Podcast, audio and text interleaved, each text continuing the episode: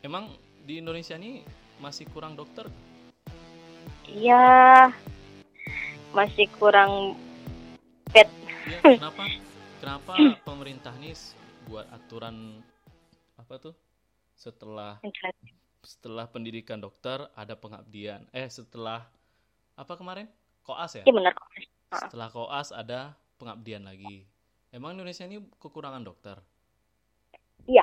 Jadi itu tuh kalau dulu kan zaman-zaman dulu tuh kan orang kalau misalnya yang kuliah anak FK gitu lah kan habis koas tuh mereka langsung wisuda kan. Habis koas ya udah ujian koasnya aja habis itu wisuda jadi dokter habis itu ya udah bebas gitu. Mau kerja atau mau apa mau kuliah spesialis atau ambil S2 terserah. Nah semenjak tahun berapa ya Afni lupa 2016 kalau nggak salah Afni 2014 itu pokoknya sekitar itulah. Baru-baru ini juga Nah, biasalah Indonesia kan suka suka pembaharuan apa sih metode eh, kayak apa sih istilahnya itu sistem pendidikan lah gitu oh, kan. Nah, berubah-berubah kan. Nah, itu kedokterannya juga jadi suka berubah-berubah. Nah, salah satunya itu semenjak tahun itu ini lupa nih ya, tahun 2016 14 itu. Uh, berubahlah kalau sistemnya tuh kalau misalnya setelah uh, koas itu nanti ada ujian nasionalnya UKM PPD namanya kan ujian kompetensi dokter gitu kan di Indonesia. Sama kayak istilahnya UN kayak di SMA SMP SD gitu. Jadi untuk penyetaraan lah istilahnya. Dibikin soalnya sama terus serentak diadakannya di Indonesia. Nanti kalau udah lulus itu lulus itu baru uh, jadi dokter dapat gelar dokter di wisuda lagi kan ini wisuda yang kedua wisuda dokter. Nah habis itu setelah itu baru ada nama istilahnya itu uh, internship atau pengabdian gitu selama satu tahun. Nah itu di apa di seluruh uh, daerah di Indonesia ini gitu. Nah jadi kita tuh sebenarnya kok milih kan cepat-cepat dia dapat gitulah. Tentu banyak yang milih tuh di kota-kota. Orang mana mau lah di pelosok-pelosok intinya gitulah kan. Hmm. orang kalau disuruh pilih kota sama pelosok pasti lebih milih kota kan karena aksesnya lebih mudah uh, kurang gitu lah ya kan mm-hmm. nah gitu jadi uh, apa ya jadi rebutan gitulah tempat internship tuh nah itu salah satu tujuan pemerintah bikin itu yaitu supaya untuk pemerataan dokter gitu di seluruh wilayah Indonesia kayak gitu. karena masih kekurangan contoh aku ngerasa sih dengan internship ini emang ngerasa terbantu gitu dokter-dokter yang kayak di puskesmas atau misalnya kayak di rumah sakit karena kayak di puskesmas gitu kan oh, dokternya tuh kadang cuma satu. Hmm. atau um, minimal tuh dua lah. Ini pernah nemuin dua lah kan. Kayak di sini kan dua tuh dokternya kan yang dokter tetapnya ya. Nah kalau misalnya di, dia satunya tuh dokternya jadi kepala puskesmas tentu yang di pelayanan cuma dokter yang satu lagi tuh kan. Hmm. nah nanti uh, sedangkan puskesmas itu kan dia tugasnya nggak cuma pelayanan di poli tapi dia juga ada turun ke lapangan ke masyarakat. Nah gitu kan untuk penyuluhan, habis itu untuk uh, home visit misalnya kayak kunjungin uh, rumah uh, pasien kayak gitu kan. Nah, itu kan turun ke lapangan. Jadi kalau misalnya dokternya cuma dua kayak gitu, ya apalagi satunya jadi kepala puskesmas, satunya cuma eh satunya untuk di pelayanan, tuh kalau yang ke lapangan siapa kayak gitu nah. Dengan adanya internship tuh kami jadinya bisa kayak uh, kalau misalnya dokter tuh ke lapangan, kami yang gantiin poli atau misalnya uh, kami yang ke lapangan kayak gitu. Jadi tetap masyarakat tuh atau pasien-pasien tuh dia tetap dilayani sama dokter nah kayak gitu hmm. jadi Tuh. itulah salah satu tapi Apanya. kemarin pernah sempat dengar-dengar gaji dokter kecil sekarang iya nggak Iya, iya gaji dokter kecil. Sebenarnya gini, dokter tuh kalau yang dokter umum ya itu udah banyak gitu. Apalagi kayak seangkatan Afni kemarin aja yang untuk masuk internship itu sampai ada tiga ribu ya tiga ribu. Bayangin tuh untuk satu angkatan aja yang masuk internship periode ah, ini kemarin periode uh, November kan periode hmm. November 2011 nah, itu sampai eh, tiga ribu lebih yang uh, internship nah gitu yang diturunkan untuk di, di yang disebarkan di wilayah uh, Indonesia ini.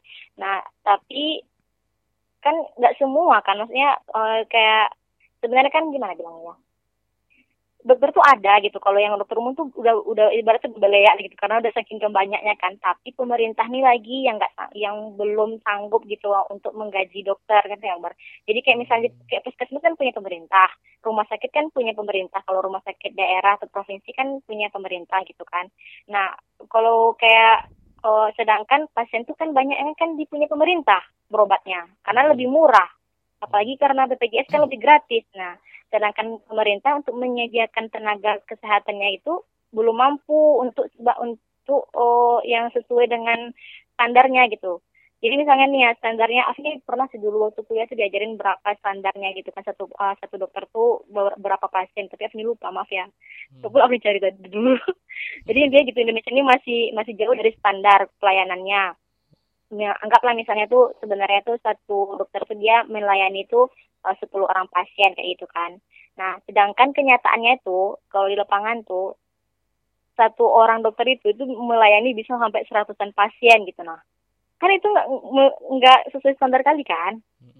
Padahal kalau misalnya secara dokter umum itu kan banyak, tapi karena pemerintah cuma sanggup mem-PN PNS kan dua orang dokter ya udah cuma dua, dua dua orang dokter yang di situ. Kalau misalnya dokter kontrak, puskesmas dari mana lah dapat duitnya? Mereka kan namanya juga punya pemerintah, tentu uangnya tuh ya sesuai dengan uh, anggaran-anggaran yang udah ditetapkan lah kan. Kalau kontrak ya paling yang yang ngasih gajinya itu ya dari itu, dari daerah misalnya. Tapi dari daerah itu kata senior-senior Afni lah kan yang cerita mereka tuh kalau dari kontraknya kadang cuma digaji 1,8 juta kayak gitu nah tapi nanti uh, ada sih dapat sisanya misal ada dapat tambahannya misalnya kayak dari BPJS nanti mereka dapat pasien BPJS-nya berapa nanti ada tuh dapat bagiannya berapa persen untuk jasa dokter kayak gitu. Jadi kalau kayak gaji pokok itu cuma 1,8 harian cuma segitu. Hmm. jadi sebenarnya oh. bukan bukan bukan sekarang ini bukan dokternya yang kurang tapi kemampuan pemerintah yang kurang gitu ya? Iya iya. Nah, terus me, kalau... me, meng, apa? Mengayakan lah bahasa Indonesia itu dokter-dokter yang ada kan? Iya. Tapi kalau Makanya... kalau dokter spesialis memang kurang lah ya.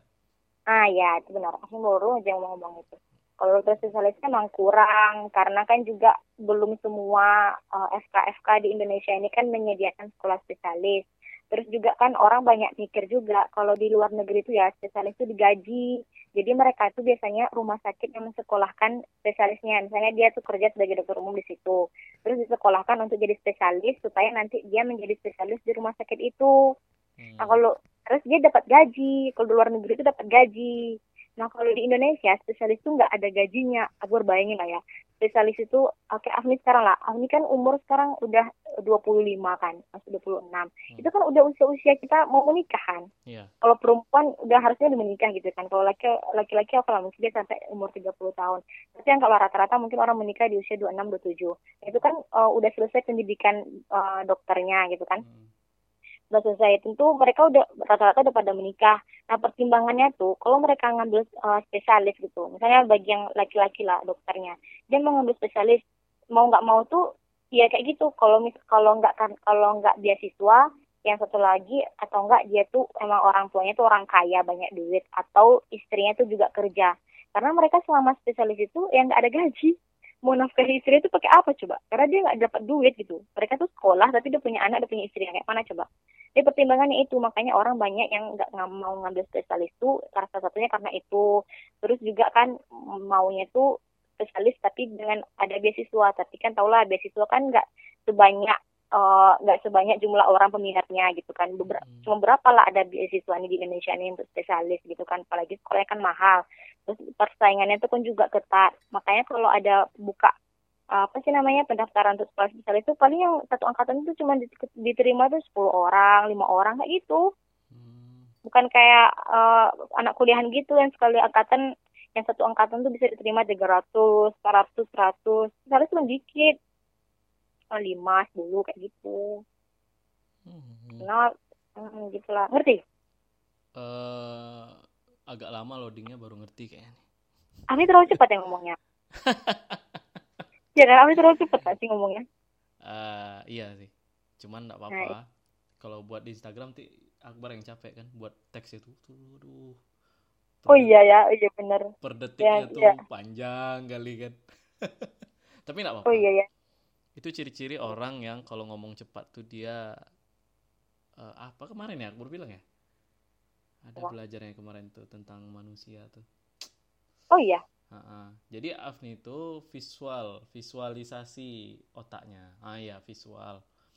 Ketika ngomong tuh kencang karena Afni di imajinasi Afni udah lihat, oh mau ngomong ini, udah ada gambaran. Apa yang imajinasi Afni lihat langsung Afni ucapkan gitu. Jadi kencang berpacu-pacu di situ berlomba-lomba. Apa yang diucapkan sama pikiran tuh berlomba-lomba makanya itu kencang. Tanda apa tuh kayak gitu? Tanda Afni tipenya orang visual dalam belajar dalam mengamati dalam observasi. Hmm. kalau Akbar dulu nggak kalau Akbar nggak tau lah Akbar semua lambat kayaknya.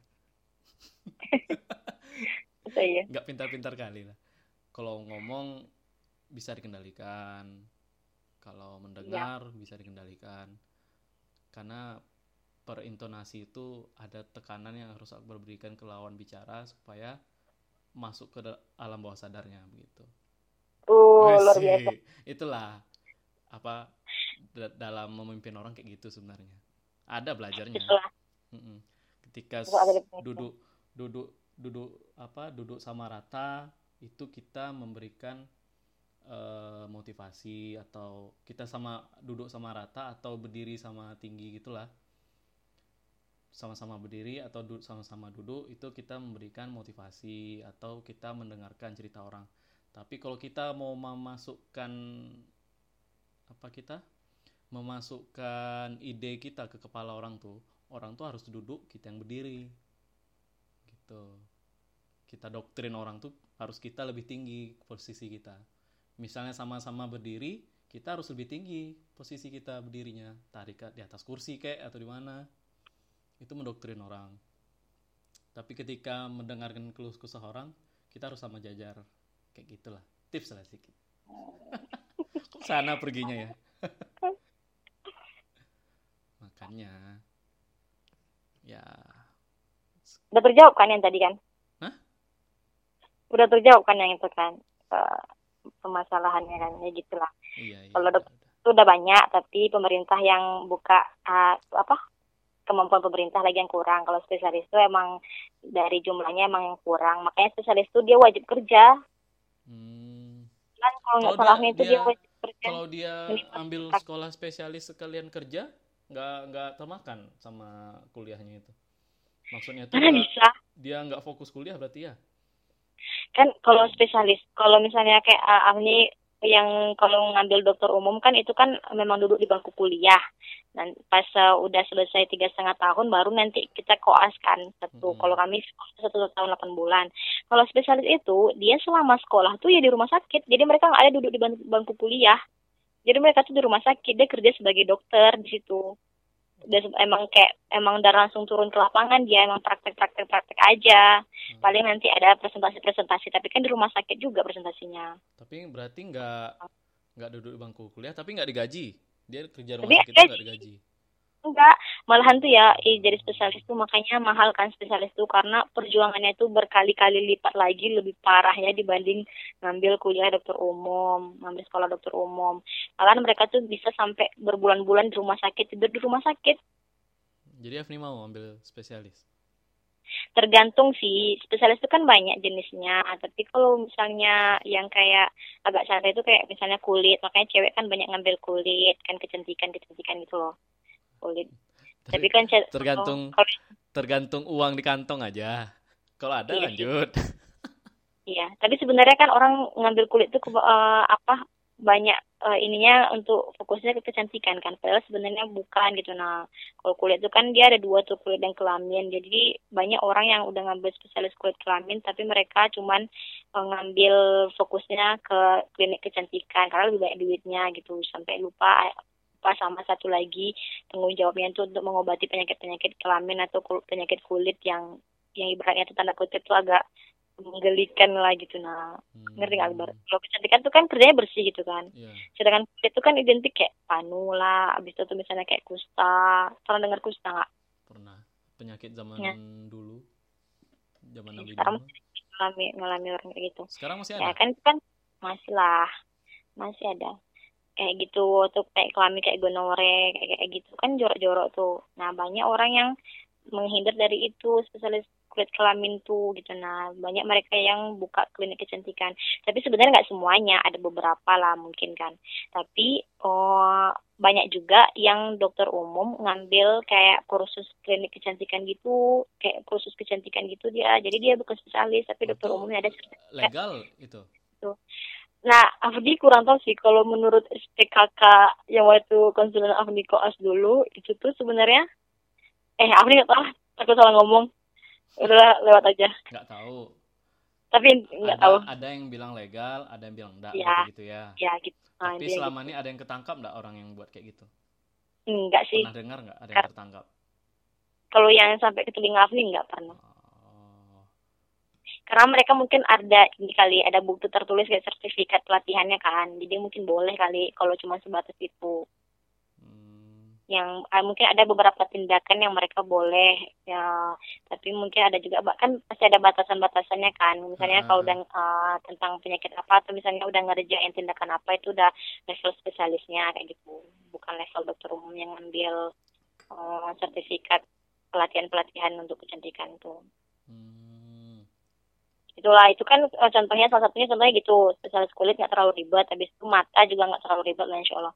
Yang ribet tuh kayak misalnya bedah kebidanan objin tuh kayak penyakit dalam yang kayak kayak gitu loh. Kenapa Atau harus anak. kenapa spesialis anak apa objin ya namanya? Objin tuh kebidanan kandungan. Iya objin. Kenapa ada spesialisnya? Padahal dulu orang bisa lahiran pakai dukun beranak aja lah makanya dulu angka kematiannya tinggi kan? Hah? maka makanya dulu angka kematian ibu dan anak tinggi. Masa iya? Iyalah. Kalau angka kematian ibu dan anak tinggi Indonesia nggak akan bisa naik terus jumlah penduduknya sampai sekarang. Daru dulu ya, tahun ya, karena... 9 tahun 90-an Indonesia penduduknya 200 jutaan. Tahun 2000 2000-an iya, Indonesia penduduknya 250 juta. Nah, kalau tinggi kematian angka ibu dan anak, pasti stagnan aja itu. Indonesia itu 200 juta aja terus. Tapi ini meningkat terus. Nah. Tentu ya. Kan banyak faktornya yang bikin jumlah penduduk itu meningkat bisa jadi angka kematiannya jadi rendah. Angka harap apa sih angka kematian? Angka usia apa usia tua itu apa ya? Harapan hidup enggak salah ya. Angka harapan hidup. Iya. Pokoknya ya, uh, usia tua lah ya. Ya, usia tuanya tuh nah, usia tuanya tuh angka kematian di usia tua tuh ya. Pokoknya gitu lah intinya kan. Itu bisa jadi rendah kan. Jadi banyak orang yang udah berumur tapi eh banyak orang yang umurnya panjang. Bisa jadi karena itu. Tapi atau bisa jadi Iya, atau bisa jadi karena oh, faktor yaitu banyak yang banyak yang memproduksi anak. nah, nah, nah, nah, nah. Kan, banyak. Kan banyak yang memproduksi kan banyak yang memproduksi anak. Tapi Afni bilang tadi banyak tinggi angka kematian dulu daripada sekarang. Kayak mana tuh? Iya. Ya mungkin kalau sekarang jumlah penduduknya udah bisa didata dengan maksimal gitu loh. Jadi makin jadi ya terdata. Kalau dulu kan mungkin sensus penduduknya belum terlalu bagus gitu. Jadi ya mungkin belum terdata. Ya namanya juga sama makin lama ya makin orang berkembang biak lah sayang. Ya coba lah, dia nikah cuma butuh satu orang, satu orang laki-laki, satu perempuan, satu orang perempuan. Terus dia bisa menghasilkan anak lebih dari dua orang, satu orang, satu orang, dua orang, dari dua orang. Tetap makin banyak dia, logikanya aja kayak gitu. Logikanya kayak gitu. Tapi kan ah. ada yang tadi kan Afni bilang angka kematian ibu dan anak tinggi. Kalau angka kematian ibu dan anak tinggi, angka kelahiran tetap tinggi juga otomatis dia stagnan aja 200 sampai 210 juta sampai sekarang. Tapi buktinya sekarang sudah sampai angka lebih dari 250 juta penduduk Indonesia. Iya, Jadi Akbar mikirnya apakah ini konspirasi aja supaya orang masuk ke dasar ke apa? ke spesialis objin. Ya enggak lah, apa hubungannya coba dasarnya nih jangan dokter, jangan terpengaruh itu lagi. Dukun beranak aja bisa melahirkan berapa anak dulu orang tua Akbar apa dari ayah orang tua punya 13 bersaudara. Sehat semua sama dukun beranak iya alhamdulillah lah kalau kayak gitu. Sekarang ada objin. Malah disuruh sesar disuruh ini suruh itu. Banyak pitih keluar duit keluarnya jadinya ya kita sebenarnya nggak bisa sih kalau ngomong secara dulu kayak kayak gini. Kayak itu nggak ada fakta tertulisnya kan. Nggak tahu kita hmm. angka-angkanya berapa kan. Terus juga ke kejadiannya itu kan cuman dengar dari cerita-cerita orang. Atau misalnya uh, dari semua persenannya kan kita nggak tahu berapa kan. Mungkin emang ada orang yang dengan dukun aja dia bisa selamat tapi kan kita nggak tahu berapa persen yang selamat berapa persen yang gagal gitu. Nah terus bisa ada juga mungkin orang dengan SPOG dengan spesialis kandungan mereka ada yang ada yang nggak selamat atau juga ada yang selamat. Tapi kan kita nggak tahu berapa jumlah keberhasilannya berapa jumlah uh, jumlah uh, kegagalannya berapa persennya kita nggak tahu. Perbandingannya kan harus fakta dong kalau yang kayak gitu. Baru kita bisa ngomong. Itu tuh memang ada nggak sih pengaruhnya dengan uh, ada SPOG apa enggak gitu. Nah ngerti nggak? Oh, ngerti ngerti ngerti. Gitu tapi ya kalau berdasarkan pengalaman Afni untuk yang sekarang ini selama Afni di dunia dokter nih kayak gini lah kan ini pasien-pasien yang kayak gitu banyak di kalau di sini nih kan ini baru pemekaran juga lah di daerah ini kan Pasaman Barat nih hmm. masih banyak orang yang belum percaya dokter jadi mereka memang banyak yang berobat tuh ke dukun tapi saya tahu enggak dia tuh datang ke dokter pas udah parah-parahnya ada juga yang kayak malah asli ketemu kasus tuh uh, ada kan pasien ini dia uh, apa kejang setelah melahirkan. Terus pas ditanya ternyata dia tuh nggak pernah selama hamil tuh nggak pernah cek ke nggak pernah cek kandungannya ke bidan lah minimal kan nggak pernah apalagi jangan kan ke bidan ke eh jangan kan spesialis kandungan untuk USG gitu. Untuk ke bidan aja dia enggak gitu. Kan intinya kan mereka masih kayak oh mungkin nggak tahu lah belakang pendidikan atau kayak mana gitu. Intinya mereka nggak nggak care lah gitu sama kandungannya gitu kan sama bayinya itu gitu.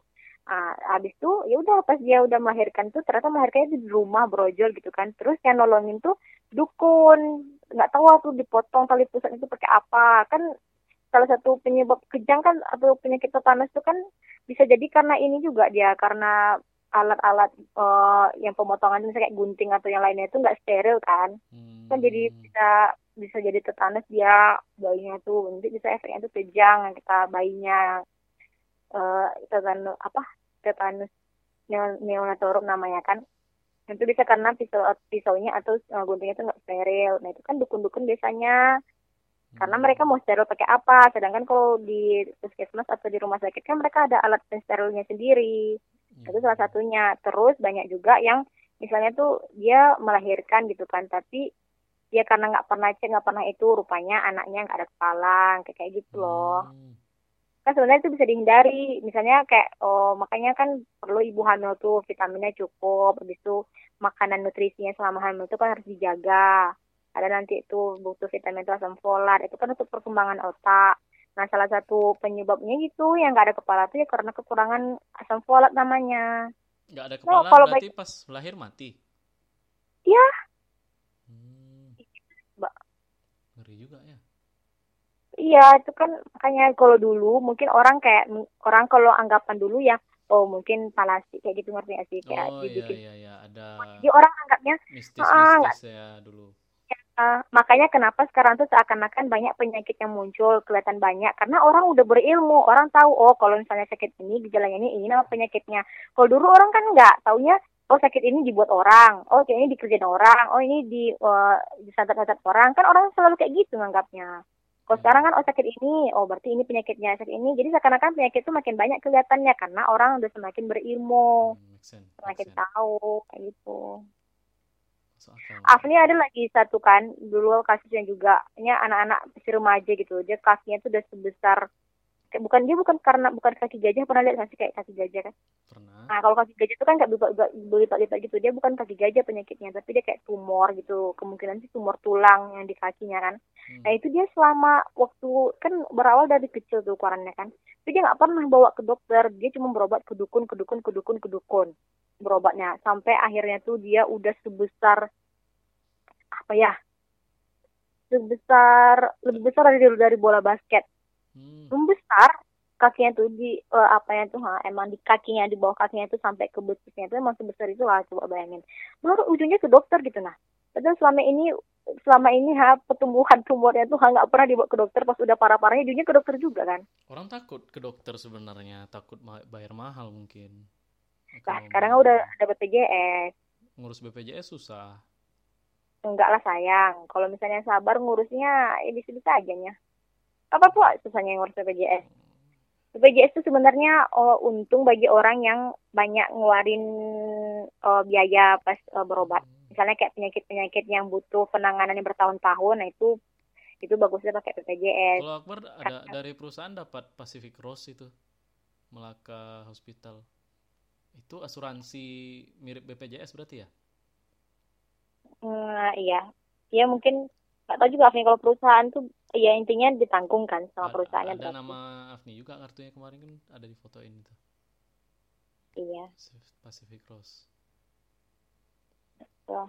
BPJS ini kan ada juga yang ini yang dari pemerintah jadi kan nggak bayar premi per bulan gitu jadi mereka emang dapat gratis gitu loh tanpa bayar per bulan tapi iuran ada BPJS juga. memang naik mbak sekarang hmm eh terakhir aku nggak tahu berapa ya kemarin kan naik abis itu turun lagi kan kayak uh, normal lagi uh, uh. Kemarin naik lagi. Mau kemarin kan naik digugat sama orang kemen apa pemerintah menang di hakim. Di di mana ya? Pokoknya menang di peradilan. Terus turun. Terus sekarang dinaikkan lagi. Nggak tahu siapa yang mau gugat lagi. Ah, Iya, kayak gitulah. Oh. Tapi kan kayak ada tuh BPJS, oh, BPJS yang ditanggung sama pemerintah itu kan mereka nggak bayar per bulan. Itu memang untuk orang-orang kurang mampu gitu. Hmm. Pelik ya berarti ya masalah kesehatan ya. Indonesia nih. Iya, emang tapi ya, tapi sebenarnya aku dulu pernah kan ikut seminar masalah kesehatan kesehatan gitulah Indonesia eh, kesehatan kesehatan gitulah oh, jadi Indonesia seminar pranikah pula. Ah udah nikah kan? Iya yeah, jadi kita yang ngasih kuliah. Kita yang buat seminar lagi jadi Indonesia itu sebenarnya dana untuk apa sih istilahnya dana untuk apa tuh loh bukan APBD-nya apa namanya tuh APBN. anggaran ah APBN hmm. jadi APBN pemerintah tuh untuk kesehatan tuh masih di bawah standar uh, internasional. Berapa persen ya? Kalau Indonesia dulu zaman SBY ang anggaran untuk pendidikan itu 20 persen kalau nggak salah. Kalau kesehatan hmm. aku lupa lah. Sekarang ya, apa ya kesehatan? Entah itu zaman-zaman aku di kuliah gitu nggak tahu sekarang. Saya tahu lah, ini kalau kerja mana lagi mikir kayak gitu. ya ampun kayak aku kurang update kan jadi orangnya tapi intinya gitu Indonesia itu dia masih kurang dari standar uh, APBN APBN itu untuk kesehatan masih kurang gitu jauh dari standar internasional makanya uh, apa kesehatan di Indonesia ini ya masih kayak gini lah hmm. hmm gitu Seandainya Afni jadi Menteri Kesehatan, apa yang Afni lakukan besok untuk kesehatan? Oh iya, kayak ini nggak ada di main map lah tadi pertanyaan ini. Huh? Seandainya Afni jadi Menteri Kesehatan, apa yang Afni lakukan untuk perbaikan ini? Seandainya Afni jadi Menteri Kesehatan, APBN untuk kesehatan tuh sampai 30% itu udah banyak tuh lumayan. 30%. Iya, 30% udah banyak. Ah, apa yang Afni lakukan dengan dana sebesar ya. itu? Ya kalau apa yang Afni lakukan yang menjalankan tugas ah. ibadah karena Allah tuh gitu. Itu, itu kan? itu urusan Afni sama yang maha kuasa. Ini urusan Afni sama rakyat Afni nanti. Yang memperbaiki apa apa yang belum baik lah. Kita kan ya, kan nggak tahu itu tahun berapa. itu lebih dahulu ah nih kita spesifik ya. Hmm. lebih dahulu SDM-nya kah atau peralatan kedokterannya fasilitas kedokterannya? Nah yang mana dulu kalau SDM-nya tentu menaikkan gaji dokter, menerima dokter banyak lagi PNS kayak gitu kan. Kalau iya. peralatan, pengadaan semua-semuanya, mana yang dulu iya. di, mana yang didahulukan lebih baik kira-kira? Hmm, dua-duanya baik. Jadi mungkin uh, 50-50 kali. Misalnya ini uh, SDM-nya juga dinaikkan, habis itu juga uh, peralatannya juga dinaikkan gitu loh. Jadi seimbang gitu. Nah, ini kita naikkan SDM-nya, tapi peralatannya masih kayak kayak gitu aja. Jadinya nggak ada nampak perubahan. Kan bukan berarti kita kan fokus uh, menaikkan SDM SDM terus kita naikkan sampai emang maksimal. Sedangkan uh, alat kesehatannya kita lupa gitu. Nah sampai akhirnya dia jauh kali perbandingannya antara SDM-nya dengan alat kesehatannya. Kan jadi jelek kan kayak gitu. Jadi seimbang itu loh Mas Afni oke Afni, Afni lulus jadi kan kayak gitu. Afni lulus jadi politisi. Lulus? Lulus, eh, lulus? lulus jadi politisi. Kenapa gitu? Biasanya kan jawaban yang diplomatis itu. Oh harus naikkan dua-duanya. Kalau Akbar kalau Akbar ya kalau strategi Akbar tuh naikkan fasilitasnya dulu lah gitu. gimana naikkan fasilitas tapi orang yang, yang orang yang ngerjakan yang yang memakai nggak berkualitas ngerti nggak? Diberdayakan yang... diberdayakan orang intensif.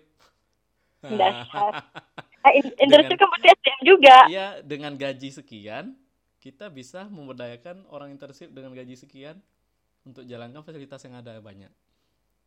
Nah gitu kalau Akbar tapi saya internship itu kan dia cuma cuma setahun bukan setahun, untuk tapi ada terus iya sih emang setidaknya ya, pemerintah setidaknya pemerintah apa orang internship tuh tiga ribu ya satu angkatan kemarin ya Iya. Nah, Tapi kayaknya berkurang sekarang karena corona. Ambillah 2000 setiap tahunnya. Setidaknya ada 2000 dokter siap pakai untuk menjalankan fasilitas yang ada. Gitu kalau strateginya. Tunggu dulu. Tapi, kasih kasihlah presiden nanti ceramah-ceramahkan ini uh, misalnya aku jadi presiden besok Tuhan, ini adalah panggilan kemanusiaan. Bapak-bapak, ibu-ibu dokter, marilah kita dengan ikhlas dulu membantu sekitar 10 tahun memperbaiki fasilitas ini ini ini suatu saat nanti anak-anak dan ibu eh, anak-anak dari bapak-bapak dan ibu-ibu dokter yang menjadi dokter akan menjadi lebih baik lagi sumber daya ini kita harus korbankan dulu oh. Dua periode itu dua periode nanti terpilih. Internship itu sayang dia tuh wewenangnya nggak kayak dokter umum di rumah sakit atau puskesmas wewenang itu tergantung regulasi pemerintah aja. Dibuat wewenang sama kayak dokter umum. Tap dah. Jadi? Gitu. Iyalah. Kalau jadi presiden strategi Akbar kayak gitu hmm. ya pasti nanti orang dokter-dokter yang kan banyak nih. Memang sih apa dokter nih rata-rata kan banyak ikhlas itu Akbar nggak tahu lah ya. Tapi kalau ambillah dari 2000 orang tuh ambillah 1000 dokter yang memang ikhlas terpanggil hatinya. Udah lumayan. Hmm. dia ikhlas kerja memanfaatkan fasilitas yang ada yang ditingkatkan terus. Hmm. kasihlah motivasi sedikit sabar kita belum bisa apakan SDM tapi fasilitas kita tingkatkan dulu sebenarnya permasalahan lainnya itu nggak cuma di kesehatannya aja sih, tapi dari masyarakatnya sendiri. Salah nah. satunya itu faktor pendidikan. Jadi gini ya contohnya nih, kayak di kayak di puskesmas. Puskesmas itu kan banyak program-programnya yang turun ke lapangan kan. Hmm. Nah itu kayak misalnya tuh dalam satu minggu tuh ada kayak posyandu atau posbindu atau yang lain-lain lah gitu kan. Nah itu angka kunjungannya tuh masih rendah gitu. Itu seperti kan menandakan masyarakat tuh belum terlalu butuh sama kesehatan karena ngerasa sehat jadi belum ke uh, belum ke pelayanan kesehatan gitu. nah. gitu. Padahal kan kita lebih baiknya kan mencegah dibanding nah, mengobati. Nah, kalau, mereka udah sakit baru datang. Nah, itu salah nah, satu faktor juga. Kalau yang kayak gitu, yang kayak gitu, tugas digantikan sama orang apa ya? Kesmas ya? Sarjana apa? Kesehatan masyarakat bisa nggak? Sosialisasi hmm, bisa bisa. Kan hmm. emang uh, kan kayak turun ke lapangan tuh kan nggak cuma dokter aja, malah yang sering itu bidan. Terus hmm. ada juga orang kesmasnya, tapi seringnya bidan sih karena emang bidan yang paling banyak kan sekarang tenaga kesehatan. Hmm. Aman aja itu untuk edukasi itu bisa. Bisa strategi lain tuh edukasi itu. Tapi strategi yang urgent kalau menurut Akbar itu tadi. Kita susah memilih dua pilihan yang sama-sama tinggi gitu. SDM atau fasilitas kalau buat fasilitas dulu SDM ya ditekan ikhlaskan dulu bekerja gitu Wih, terpilih apa ini dua periode hmm.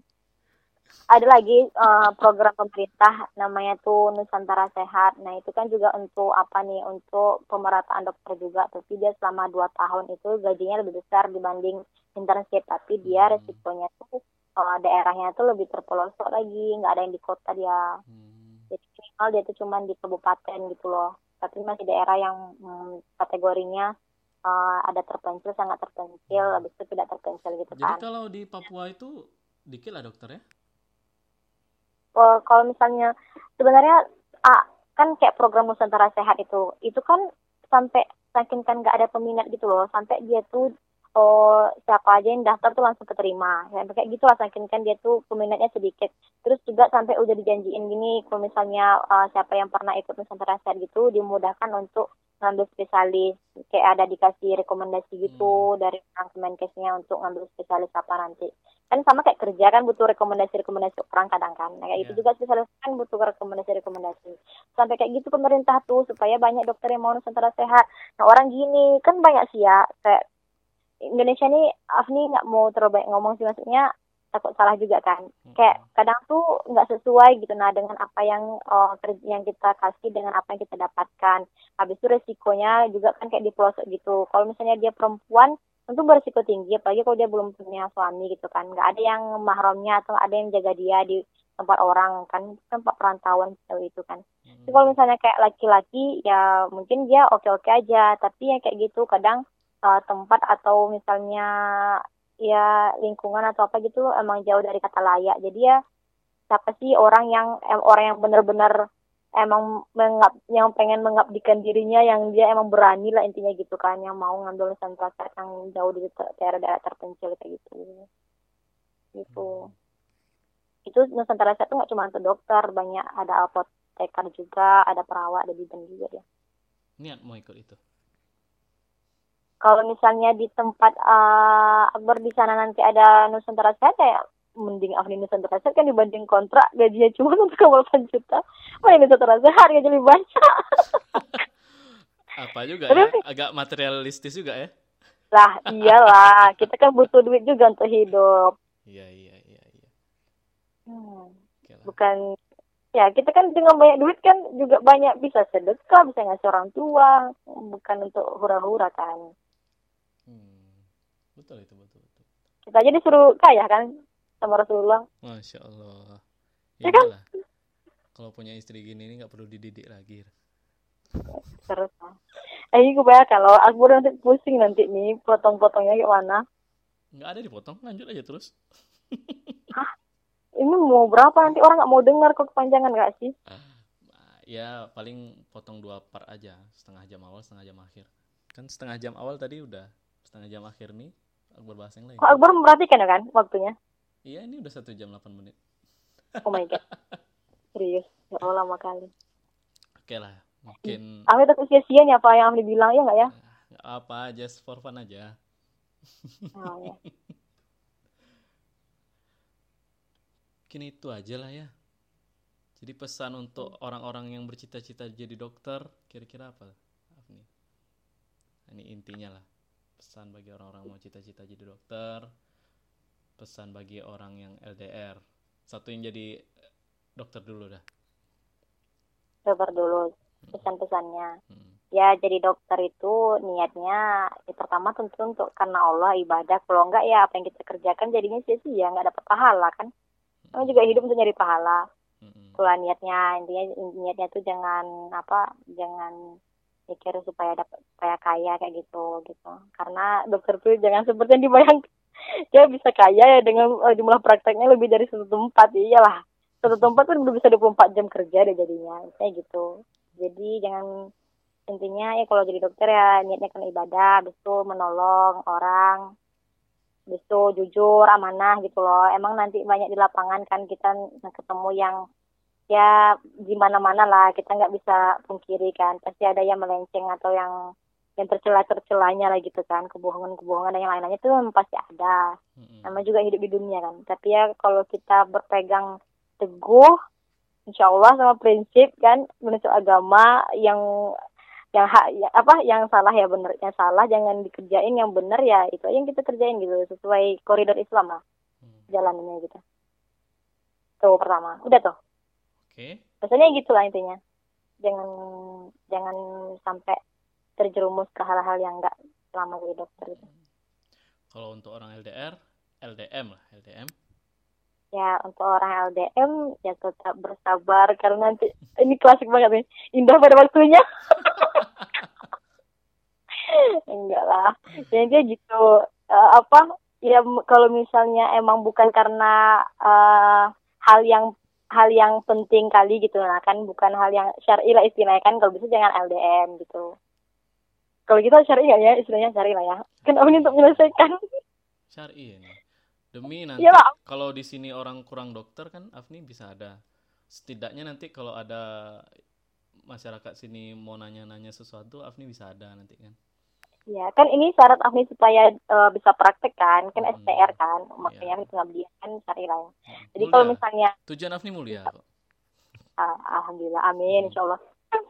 ya, intinya gitu, kalau misalnya nggak terlalu urgent, nggak uh, bukan karena alasan syari yang jangan LDM gitu, rugi, rugi, rugi, serugi, ruginya.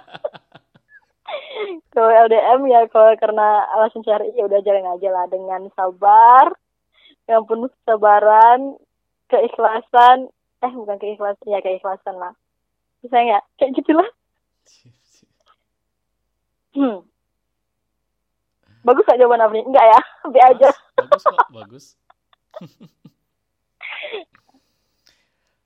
Oke lah. Udah satu jam lebih juga. Satu jam 12 menit sekarang nih. Nanti kepanjangan susah juga mana yang mau diambil ambil kan iya bagi orang-orang yang dengar teman-teman yang dengar semoga bisa jadi motivasi yang mau ambil kedokteran silakan karena itu gambarannya sekarang dan kalau aku jadi presiden yang semua orang-orang dokter nih kesehatan semuanya insya Allah bakal Wis, kok jadi kampanye? kampanye. Kapan pula lah mau jadi presiden? Awak kerajo jauh. eh, tapi salah satu yang bikin aku nih ngakak lihat Akbar dulu tuh gitu loh. Pas Amin nanya cita-cita Akbar kan Akbar bilang jawabannya pengen jadi presiden.